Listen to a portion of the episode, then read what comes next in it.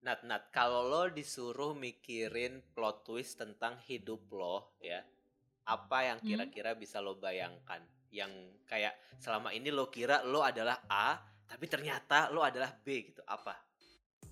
Kalau lo boleh Apa ya? berimajinasi. Mungkin gue sebenarnya orang baik-baik, cuman tiap gue tidur ternyata gue suka melakukan hal-hal random di luar sana. kayak lo sleepwalking gitu terus kayak Iya. mengarungi dunia dalam kekosongan malam gitu. Makanya gue selalu kunci pintu kamar kalau tiap tidur. Kalau gue satu-satunya plot twist yang gue butuhkan dalam hidup gue adalah tiba-tiba ternyata gue adalah anak orang kaya yang kaya raya banget yang wah duitnya banyak banget gitu. Tapi ternyata orang tua gue eh, membiarkan gue hidup prihatin supaya gue jadi tetap humble gitu ketika gue tahu kenyataan bahwa gue adalah orang kaya gitu. Tapi kan sayangnya tidak Oh. seperti itu ya. Cuman Heeh.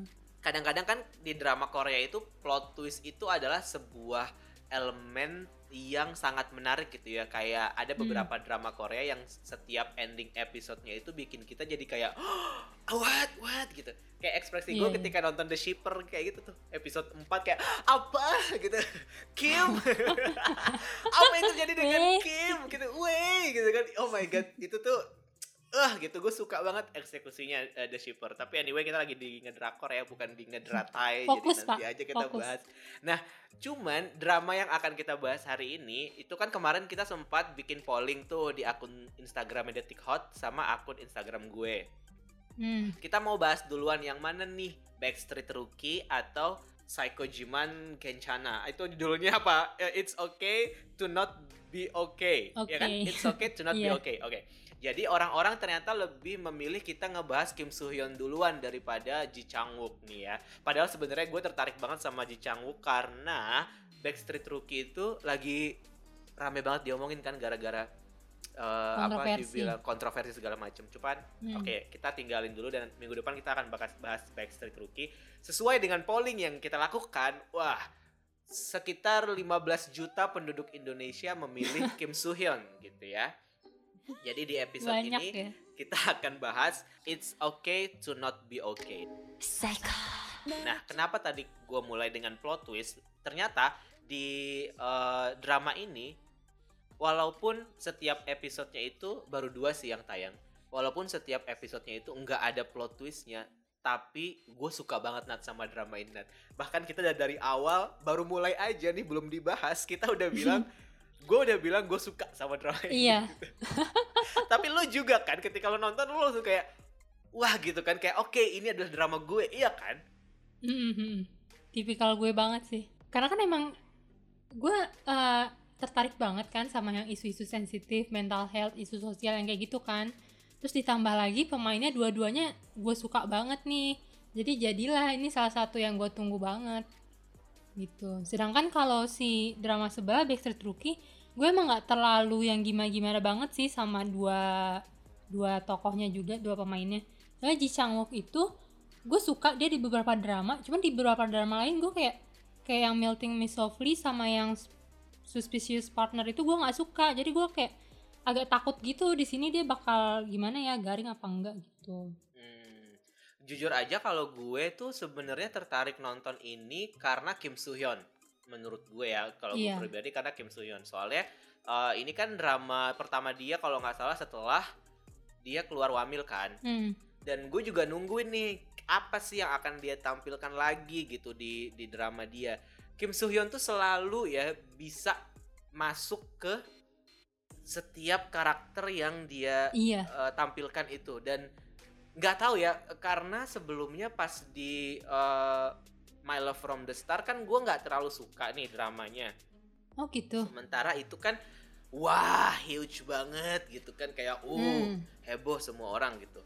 Iya gue suka banget malah gue nggak gua nggak terlalu suka. Ya lo kan tahu fantasi fantasi gitu bukan tipikal cerita gue. Padahal lu orangnya suka berfantasi ya tapi lu gak suka drama fantasi Iya, tapi gue nggak suka drama fantasi gimana sih Nah, ketika gue melihat si karakter Moon Kang Tae di It's Okay to Not Be Okay ini, itu tuh kayak menggabungkan antara dua karakter Kim Soo Hyun di drama sebelumnya. walaupun gue nggak suka My Love from the Star tapi gue sempat nonton lah ya beberapa episode dan gue tahu Do Min Jun tuh kayak mana gitu dan gue hmm. tuh ngerasa kayak ngelihat Do Min Jun sedikit nih di Moon Kang Tae hmm. ini sebenarnya sama gue suka banget ada satu nggak satu sih beberapa kali gitu ya gue keinget sama karakter dia di Dream High Song Samdong hmm. ditambah lagi dengan cerita yang memang menarik juga sih ya dan sensitif gitu kan soal mental health dan segala macem gitu itu sih hmm. awalnya yang bikin gue tertarik kalau Soyeji sendiri sebenarnya gue agak nggak belum pernah nonton drama dia sebelumnya karena balik lagi gue kan baru terjun ke drama Korea lagi baru-baru ini jadi gue kayak skip banyak banget drama Korea sebelumnya. Hmm. Kalau Soyeji gue juga baru satu doang sih drama dia yang sebelumnya gue tonton. Uh, judulnya Save Me. Dan di situ gue langsung wah ini cewek siapa nih aktingnya keren banget gitu iya di sini juga aktingnya keren banget di iya. drama yang baru ini dan nggak tahu kenapa juga ya gue tuh kayak tiba-tiba ngelihat dia itu jadi ada ada feel feel Jun Ji Hyun gak sih lo ngerasa gak sih ketika nonton ini? Iya, cuman dia versi apa ya versi gotik versi psycho-nya ya kayaknya. Iya iya. Dan gue nggak tahu deh, pokoknya entah bagaimana cara dia uh, riset karakter si Go Moon Young itu. Hmm tapi menurut gue sukses banget sih iya. ketika ketika gue nonton itu gue langsung kayak wah ini bisa jadi uh, karakter drama Korea kuat yang bakalan dikenang selama setahun ke depan lah paling tidak gitu. Kayak di antara semua karakter-karakter yang kita udah bahas ini tiba-tiba Go Moon Young muncul dengan kayak wah aku princess tapi aku dark gitu. Kayak hmm. wah gitu. Oh my god. Dan dia set, setiap kali dia deliver dialog dia itu berasa banget gue kayak anjir gue kalau di depan dia mungkin gue takut deh jadi anak kecil yang dipangku waktu di restoran itu mm. gue akan langsung nangis sih itu dan nggak perlu nunggu selfie dulu gitu gue udah nangis dulu kayak nggak mau nggak mau gitu Oke, okay, jadi it's okay to not be okay. Mungkin Nadia bisa ceritain sedikit sinopsisnya kayak gimana? Karena ini masih dua episode, kita nggak usah terlalu membuka banyak ini ya. Hmm. Kita generalnya aja. Jadi ini um, menceritakan tentang tiga orang yang utamanya sebenarnya. Yang pertama itu ada Moon Kang Tae, dia itu perawat bangsal psikiatris yang uh, cakep, pinter, penuh rasa empati, perhatian, pokoknya almost perfect deh gitu. Cuman dia itu kayak nggak punya kehidupan percintaan gitu, soalnya mungkin kayak kehidupan pribadinya ini dia rasa juga udah cukup berat, udah cukup pusing, belum lagi dia kan mesti ngurusin kakaknya yang punya gangguan spektrum autisme kan si Moon Sang Tae. Jadi dia kayak pulang kerja ngurus kakaknya udah gitu. Belum lagi kan gara-gara kakaknya punya si gangguan ini mereka tuh jadi kayak harus terus-terusan pindah rumah gitu loh. Makanya kan si sahabatnya sempat nge-spill tuh iya dia nggak mau boro-boro mau pacaran orang belum nyampe setahun dia selalu pindah rumah gitu kan Nah, di sisi lain yang si tokoh utama ceweknya ini ada si Go Moon Young. Dia itu penulis buku anak-anak super ngehits. Cuman kita kan ngebayanginnya kalau penulis buku anak-anak itu yang ramah, lucu kayak Kaseto gitu kali ya. Tapi di sini tuh dia justru punya gangguan kepribadian antisosial gitu. Orang itu kasar, egois, sombong gitu. Pokoknya bertolak belakang banget deh sama dunia anak-anak. Buku-buku yang dia terbitkan juga itu tuh beda sama buku anak-anak lainnya. Kalau buku-buku anak lainnya tuh rata-rata mengagungkan seorang princess bla bla bla dia justru kayak lebih apa ya nge-side sama sisi penyihirnya gitu. Hmm. itu menariknya sih ya. Nah yang jadi masalah ini si cewek yang rada-rada psycho ini tuh dia tertarik sama si Moon Kang Tae itu. Cuman dia kan karena sifatnya yang kayak gini si cewek ini tuh nggak nggak bisa ngekspresiin cara mencintai yang baik dan benar tuh gimana gitu. Makanya sampai di ending episode 2 waktu dia ngejar si Kang Tae sampai ke desanya mereka itu kan kayak hah kenapa tiba-tiba nih cewek ada di sini? Posesif. Di dua episode pertama kita langsung dikasih lihat uh, masing-masing kepribadian dari karakter utamanya sama kayak udah jelas gitu ya alasan kenapa si ceweknya tiba-tiba kepincut sama si cowok ini gitu. Jadi hmm. nggak dibikin yang kayak kita harus nunggu 5 episode dulu gitu yang kayak tiba-tiba dia jual mahal kayak ah, aku nggak suka kamu walaupun kamu raja dari negara Korea gitu kan terus tiba-tiba nanti malah jadi wow oke okay, dicupang terus gitu di episode selanjutnya gitu kan tapi ini kayak langsung gitu dibeberkan di depan dan yang menariknya lagi sebenarnya adalah opening scene-nya sih kalau menurut gue kayak gue nggak pernah hmm. sebelumnya uh, melihat drama Korea yang opening scene-nya itu pakai animasi stop motion dan menurut gue iya. itu keren banget sih. Maksudnya banget. Itu kan cuman beberapa ya kayak tiga menit atau empat menit pertama gitu. Hmm. Terus bagus gitu dan dia ngejelasin soal sebuah cerita. Iya, sebuah cerita dari bukunya si Go Moon Young, dari buku si Go Moon Young yang sebenarnya ternyata terinspirasi dari kisah nyata gitu kan dari hmm. dari kehidupan uh, si Go Moon Young dan Moon Kang Tae waktu masih kecil. Gitu. Parah sih itu emang gue langsung uh, apa ya? menurut gue tuh detik menit-menit pertama sebuah drama itu tuh menit-menit krusial gitu loh kayak menentukan first impression kita bakal suka apa enggak sama nih drama gitu. Sedangkan dia langsung nyajin kita animasi dark sekeren itu kayak wah ini orang berhasil membuat kita jatuh cinta pada pandangan pertama banget. Iya bener. Dan juga kayak yang nggak kalah pentingnya lagi karena kita sebenarnya udah dikasih gambaran di opening scene itu bahwa ini loh yang akan lo dapatkan ketika lo nonton drama ini gitu. Bahwa kita akan dapat seorang princess yang dia sebenarnya nggak mendukung dirinya sebagai princess tapi dia cantik cuman gue ini nggak princess gue ini penyihir gitu. Tapi di sisi lain juga ada orang yang jatuh cinta sama dia tapi kemudian dia bilang kalau misalkan gue kondisinya seperti ini yang psycho dan segala macem lo masih mau nggak sama gue gitu kan? Jadi itu yang kita disajikan di depan uh, inti ceritanya nih selama dua episode ini gitu. Bahwa ada seorang perempuan yang cantik tapi psycho terus ada cowok yang ganteng tapi juga dia bingung gimana nih cara mencintai orang karena dia juga sudah lama tidak mencintai orang. Kemudian dipertemukan dalam sebuah situasi yang boom gitu yang kayak wah gitu. Pertemuan pertamanya menurut gue uh, kayak agak mengejutkan ya unexpected hmm. gitu. Yang ketika dia apa ngerokok dan segala macam itu. Tapi pas di adegan backstage yang dia ditusuk itu kayak kok gini oh. banget? gitu maksud gue. Maksudnya kayak si Moon Kang Tae-nya ini kan saking dia udah sibuk sama ngurusin kakaknya itu sampai akhirnya dia pun jadi kayak cuek sama dirinya sendiri gitu loh sampai yang kayak dia bahkan kayaknya lupa deh rasanya bahagia sebagai manusia hmm. gitu kan hmm, hmm. karena dia udah udah terlalu capek ngurusin orang makanya ketika dia uh, senyum tuh bahkan orang yang punya gangguan mental aja bilang nggak usah senyum bikin muak gara-gara senyum dia tuh nggak tulus gitu. Dia senyum tapi sebenarnya dia nggak senyum dalam hatinya gitu. Dan ternyata semua orang bisa melihat itu bahkan orang dengan gangguan mental sekalipun gitu kan. Dan itu jadi hmm. bikin dia kayak berkontemplasi kan si Namun Kang Ti ini. Sebenarnya gue ini bahagia nggak sih gitu sebenarnya kan? Lu mikirnya sampai sedip itu ya Ron ya? Iya sumpah. Gue tadinya sebelum lo mikir ini tuh gue cuman mikir ini orang uh, kayak ngetrol gitu loh mentang-mentang senyumnya si siapa namanya Kim So Hyun nih ganteng banget terus dibikinin line lucu kayak gini.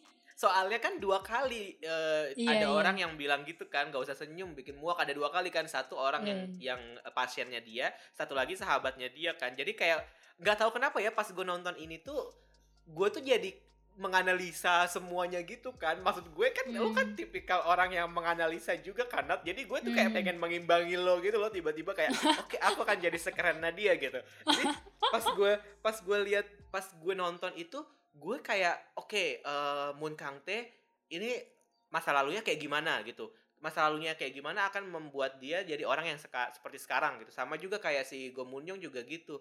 Go Moon Young ini kan nggak mungkin tiba-tiba dia uh, jadi penyihir gitu ya. Pastilah dia hmm. punya masa lalu yang yang agak-agak suram juga gitu. Dan ternyata emang bener gitu. Ketika kita di episode 2 apa episode 1 satu ya di episode 1 ternyata kita baru tahu kalau kalau masa lalunya si Go Moon Young ini tuh uh, dia dari keluarga yang broken banget gitu. Dan ternyata bokapnya sampai separah itu yang pengen pengen ngebunuh dia pas dia masih hmm. remaja gitu kan yang bikin enak gitu nontonnya walaupun obrolannya apa topiknya emang sangat sensitif terus juga sangat berat mereka ngegambarin masa lalu dari si karakternya ini dengan menampilkan kejadian di masa kini gitu kayak misalnya waktu kita dikasih tahu bahwa si Gomunyong ini punya masa lalu yang kelam sama bapaknya kita dikasih lihat bahwa ini ada anak kecil yang juga diajak mati sama bapaknya nih gitu kan. Hmm. terus uh, di situ akhirnya diselipin bahwa oh ternyata Gomunyong juga pernah kayak gitu. Jadi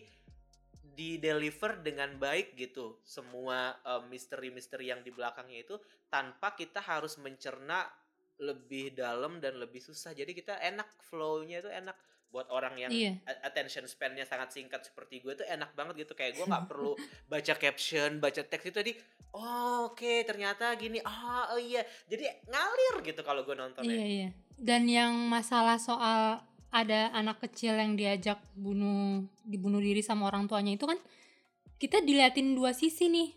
Kalau si Moon eh siapa? Moon Yongnya ini dia hasilnya jadi sangat membenci ayahnya sampai sekarang sampai udah dikira mati sedangkan si anak yang di masa sekarang ini yang yang korban baru ini dia dibuat uh, punya alternatif lain gitu. Dia justru masih tetap sayang sama ayahnya dan mikirin ayahnya maupun ayahnya kemudian ternyata udah mati kan tanpa pengetahuan dia gitu.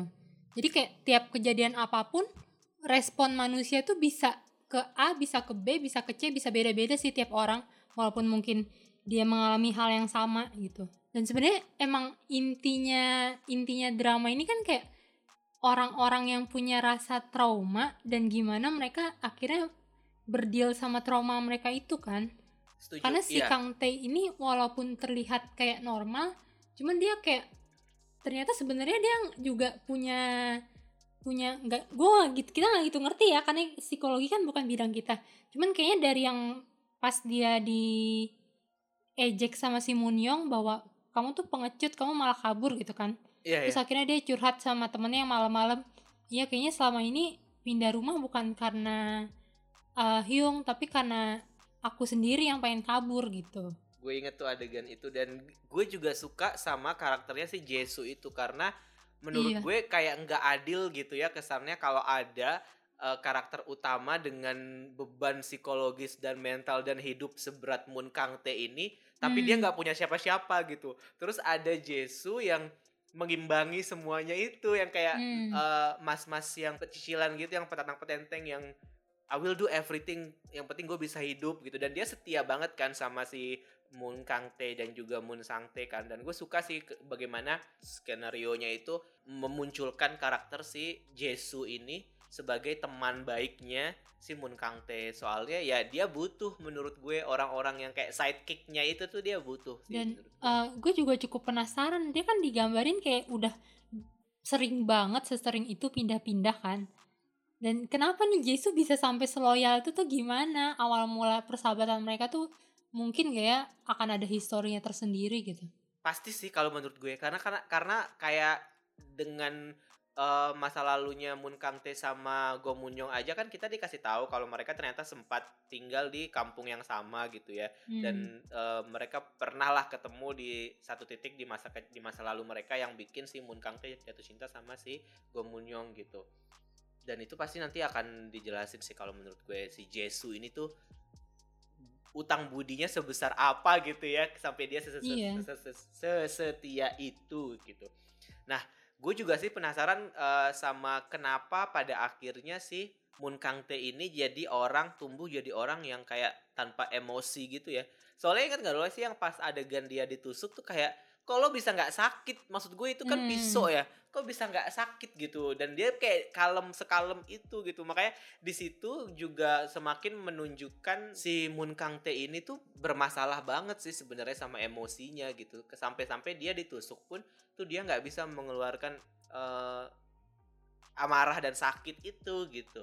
Kayaknya efek trauma yang berlebihan ketika dia masih kecil yang ketika orang tuanya dibunuh itu juga kali ya yang bikin dia jadi kayak oke okay, gue sudah melewati trauma sedalam itu kesedihan sedalam itu. Jadi kalau ada lagi hal-hal yang menyakitkan tapi levelnya cuma 5 sementara gue udah nerima 10 gue nggak akan bereaksi. Gitu kali ya hidup dia. Iya soalnya kan kita sempat diliatin waktu dia remaja baru nemuin ibunya meninggal itu kan dia di situ masih kayak ya anak remaja pada umumnya yang punya rasa emosi teriak sedih gitu. Cuma mungkin saat dia memutuskan uh, mau nggak mau aku harus merawat abangku sendiri gitu. Kalau kalau nggak mau dipisahin sama si polisi ini dia jadi kayak itu tergambar banget sih yang di awal-awal kan sempet tuh dipanggil dia ke SMK kakaknya ini kan. Terus yang kakaknya yang udah udah dia marah itu ekspresi marah yang gitu-gitu kan. Kita juga wah nih kayaknya dia mau marah nih udah udah diem udah gitu. Cuman begitu saya dia ngomong ternyata dia sesabar itu gitu nggak nggak marah sama sekali. Kayaknya dia emang udah terbiasa buat ya gue nggak boleh marah gitu. Yang dia nggak sadar itu lama-lama tuh kayak ngemakan emosi dia sendiri ya nggak sih? Iya iya iya. Dan kasihan malah menurut gue karena orang-orang yang nggak bisa mengeluarkan emosinya itu entah kenapa ya gue ngerasa kayak it's not a good thing gitu untuk meredam hmm. selalu dengan apa orang yang selalu meredam emosi mereka itu it's not always a good thing. Kayak iya sih bener lo nggak bisa tiba-tiba kayak marah di tempat umum misalnya lo pasti harus tahan. Tapi ketika emang lo butuh untuk marah tuh sebenarnya nggak apa-apa kali marah gitu kan. Kalau misalkan lo kesel ya nggak apa-apa kali kesel gitu. Kayak keluarin aja daripada dipendam hmm. gitu. Nah kayaknya si Moon Kang Tae ini tipikalnya yang karena dia juga udah selama bertahun-tahun. Anyway, dia ceritanya di di sini kelahiran 91. Jadi mungkin sekarang usia dia sekitar eh, uh, 29 juga nih. Jadinya uh, selama mungkin 10 tahun terakhir dia ada habiskan dengan merawat kakaknya. Jadi itu yang bikin dia jadi kayak iya nggak boleh terlalu meledak-meledak gitu. Lagi pula kalau dia meledak dan sering emosi dan marah-marah juga, kakaknya langsung ke trigger dong ya kan. Yeah. Uh, jadinya dia juga nggak bisa terlalu marah-marah juga gitu. Wah yang adegan waktu di toko buku apa di toko buku, Wah. anjir gue sebel banget sih sama yeah, orang yeah. itu. Maksud gue kayak manusia tuh emang ya gitu kayak bisa nggak sih nggak usah sejahat itu kalau ngelihat maksud gue kayak lo lo udah lihat dia agak berbeda gitu ya terus lo sikapnya kayak ih ih sebel deh gue sama bapak-bapak itu sumpah kayak jadi iya. emosi sendiri gue itu salah satu besin banget sih dan kayaknya rasanya pas si Munyo ngejambak balik si bapak itu tuh wah terpuaskan iya. banget karena dia antisosial gitu jadi dia lebih kayak duh apaan lagi sih ini keributan gitu kan jadinya dia hmm. suka suka uh, apa memutuskan sambil ngitung gitu kayak bantu nggak ya bantu nggak ya bantu nggak ya gitu kan hmm. sama kayak waktu dia uh, si Moon Kang Tae pernah tenggelam di kutub utara karena di salju di SS gitu terus dia kayak bantu nggak ya bantu nggak ya bantu nggak ya kayak gitu maksudnya hmm. uh, bahkan nih orang yang kita udah bilang anjir freak banget sih psycho gitu ya soalnya dia hmm. kayaknya kok maksud gue orang butuh bantuan tapi kalau masih mikir dulu buat bantu tapi sebenarnya di lubuk hati dia yang terdalam tuh dia pengen bantu cuman ya emang dia kayak gitu aja uh, ininya mentalnya kayak gitu aja gitu. Jadi pas dia mau mutus pas dia mau mutusin mau ngebantu atau enggak itu gue kayak masa sih ini orang nggak bergerak gitu? Gue kayak masa sih ini orang nggak bergerak? Terus pas akhirnya dia turun kayak yes gitu. Jadi wah momen di di jambak itu adalah menurut gue salah satu apa ya uh, salah satu klimaks uh, klimaks yang bikin karakternya si Go Moon Young ini adalah strong female character in K drama gitu loh menurut gue. Nah iya benar gue juga menurut gue tuh di situ kayak diliatin ironisnya manusia zaman sekarang loh. Padahal kayak Moon Young itu kan jelas-jelas kita tahu punya gangguan kepribadian antisosial kan. Cuman dia yang nggak punya rasa empati itu aja dia masih ada kepikiran oh ini uh, suatu situasi yang harus gue bantu apa enggak ya bantu bantu apa enggak? Akhirnya dia bantu gitu kan. Sedangkan manusia-manusia dan tanda kutip normal lainnya yang bejibun ada di situ nggak ada yang bergerak buat mau bantu duluan ya kan? Malah ngerekam ya kan? Mm -mm. sebel. Itu kayak apa manusia zaman sekarang sebenarnya semua udah sakit ya? Dan di situ gue juga kayak ngerasa aduh sedih banget. Uh, apa simpati dan empati gitu gue sama si Go Moon Young karena sebenarnya kan dia melakukan hal yang benar. Dia kan ngebantuin kan. Tapi kemudian orang-orang framingnya kayak wah ya penulis buku ini ternyata uh, apa nggak ramah gitu. Suka hmm. apa ribut dan segala macam tiba-tiba dia ngejambak kayak gitu gitu padahal sebenarnya ya kan yang salah bukan dia gitu. Dan kita tahu gitu ya. Dan kita sebagai penonton kayak yang salah bukan dia gitu. Kita kita tahu. Makanya kita jadi semakin dibikin lengket gitu sama si Gomunyong ini kalau menurut gue itu jadi kayak momen yang bikin kita jadi semakin kayak oke okay, dia adalah heroinnya gitu dia adalah orang yang harus kita dukung nih sepanjang di drama ini gitu sih. Mm. Ada nggak sih hal-hal yang bikin lo jadi kayak uh, ya agak ngebosenin gitu atau gimana gitu? Gue nonton ini enak sih ngalir sih Hmm.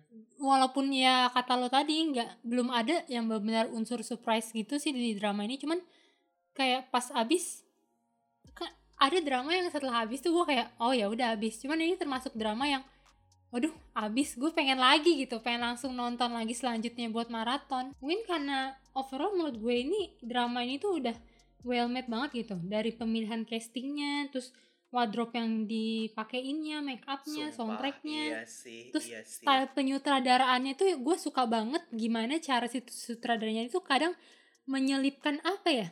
apa sih istilahnya? Kayak semacam animasi CG untuk menggambarkan hal-hal yang agak sulit dideskripsikan gitu. Kayak misalkan contoh yang waktu si siapa namanya? Kang Te kena muntahan. Iya iya iya, iya iya iya iya iya iya oh my god bener bener bener. mulai itu dari lucu dari banget. ikan terus juga sampah ya kan? Iya iya iya iya. Sampai puncaknya tuh dia di bawah di tengah-tengah bunga mawar gitu itu yeah, tuh yeah, padahal gak sih. bikin kita jijik cuman kita bisa ngebayangin bawahnya tuh kayak apa gitu. Iya iya sampai iya, iya, kayak gitu. Terus yang waktu uh, siapa? Munyong ngeliatin si Kang T ah dia menarik aku mau memilikinya. Terus, tiba-tiba dia, jadi berubah jadi iya. besar. Iya itu lucu banget. Itu gue kaget sih. Satu lagi yang pas si kakaknya Sangte kesenangan banget buat ngadirin acara tanda tangan bukunya si Munyong itu kan diliatin nih visualisasi betapa senang dan bahagianya si Sangte itu. Yang ada adegan apa sih? Balon nari-nari di jadi tembok. kayak video klip gitu ya? Ya uh, jadi kayak diliatin dari sisi psikologisnya si Sangte yang emang kayak masih anak-anak itu gitu. Keren sih pokoknya. Dan selain animasi gue juga suka sih kayak kadang itu mungkin karena emang dia kerjanya di bangsa psikiatri kali ya. Jadi kayak ada hal-hal yang bisa jadi tips buat kita juga gitu loh. Kayak contohnya waktu dia ngajarin si Munyong buat nenangin dirinya dengan metode butterfly hug itu loh. Itu kan kayak oh iya jadi pengetahuan baru dan gue beneran langsung searching tentang butterfly hug itu dan beneran ada. Sama satu lagi yang membuat gue cukup nantiin uh, episode-episode selanjutnya di sini tuh soal yang misteri pembunuhan kupu-kupu tadi sih karena kan di hmm. awal kan beberapa kali kupu-kupu cukup disinggung kan mulai yeah. dari hubungannya sama si Munyong Munyong itu kan di awal kita lihat dia ngebikin Kang T kecil takut gara-gara dia nyobekin kupu-kupu kan Hmm. Terus sedangkan uh, kalau ke Kang T kita tahu dia itu kayak merasa terteror sama kupu-kupu gara-gara dia dulu tuh sebenarnya kayak jadi saksi mata pembunuhan ibu mereka kan, cuman bukannya ngasih tahu ciri-ciri manusia atau apa dia malah bilang ibunya tuh dibunuh kupu-kupu gitu. Iya yeah, iya yeah, iya. Yeah, jadi bisa jadi kayak orang tuh mau dia tuh kayak sedikit mau ngelit apa jangan-jangan si Munyong ada hubungannya sama Munyong entah ayahnya Munyong atau ibunya Munyong Gitu. Oh. Gitu.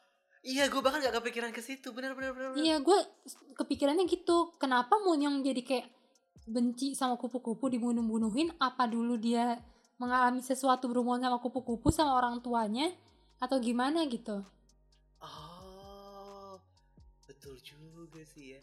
Terus juga ada tuh yang uh, apa namanya dialog antara Kang T sama Jesu yang bilang ke Kang T bilang kalau ya uh, kupu-kupu akan datang hari ini gitu loh kayak gue masih bingung sampai gue ulang-ulang adegannya entar apa ya konteksnya apa ya dia ngomong bilang kayak gitu itu tapi belum hmm. gue nangkap sih sampai sekarang kalau itu gue ngerasanya jadi kayaknya si Sang T ini dia tiap udah uh, cukup lama berada di rumah itu mungkin dia akan mim mulai mimpi mimpiin si kupu-kupu itu lagi gitu. Dan satu-satunya cara supaya dia nggak mimpin teror kupu-kupu itu lagi dibawa pindah rumah sama si Kang T kayaknya sih gitu gue nangkepnya. Oh I see. Ya ya makanya mereka jadi pindah-pindah juga supaya ya supaya si Sang T nya jadi lebih bisa tenang. meredam ya lebih tenang hmm. gitu ya. Hmm, ya, ya, ya karena kan di awal-awal waktu kecil uh, si Kang T. Remaja bilangnya ayo kita pergi gitu kan. Ke mana? Ke tempat kupu-kupu tidak bisa mengejar kita gitu. Ah ya ya, ya. detail sih itu Pokoknya sih kalau menurut gue It's Okay to Not Be Okay ini tontonan yang wajib sih untuk semua fans Korean drama kalau menurut gue. Karena ini pasti akan hype banget ke depannya since Kim Soo Hyun. Dan juga karena So Ye Ji di sini wah bold strong banget. Terus hmm. secara cerita juga apa ya walaupun topiknya sedikit berat gitu cuman gue suka sama delivernya jadi nggak terlalu malah nggak terlalu bikin mikir sih walaupun banyak sih yang adegan-adegan detail entah kenapa gue kayak merhatiin aja gitu adegan-adegan detailnya cuman yang gue nggak terima satu hal sih yang gue nggak terima kita selalu dibilang kayak misalkan nih di masyarakat kita gitu ya kalau orang tuh uh, mukanya berkerut mukanya kayaknya banyak jerawat gitu ya. Terus juga kayaknya kusem gitu. Pasti orang bilang kayak kayaknya hidupnya nggak bahagia banget ya gitu. Tapi ketika ngelihat Kim Soo Hyun hidupnya nggak bahagia tapi mukanya mulus-mulus aja. Nggak suka deh gue sama kenyataan seperti ini. Emang hidup tuh kadang nggak adil Ron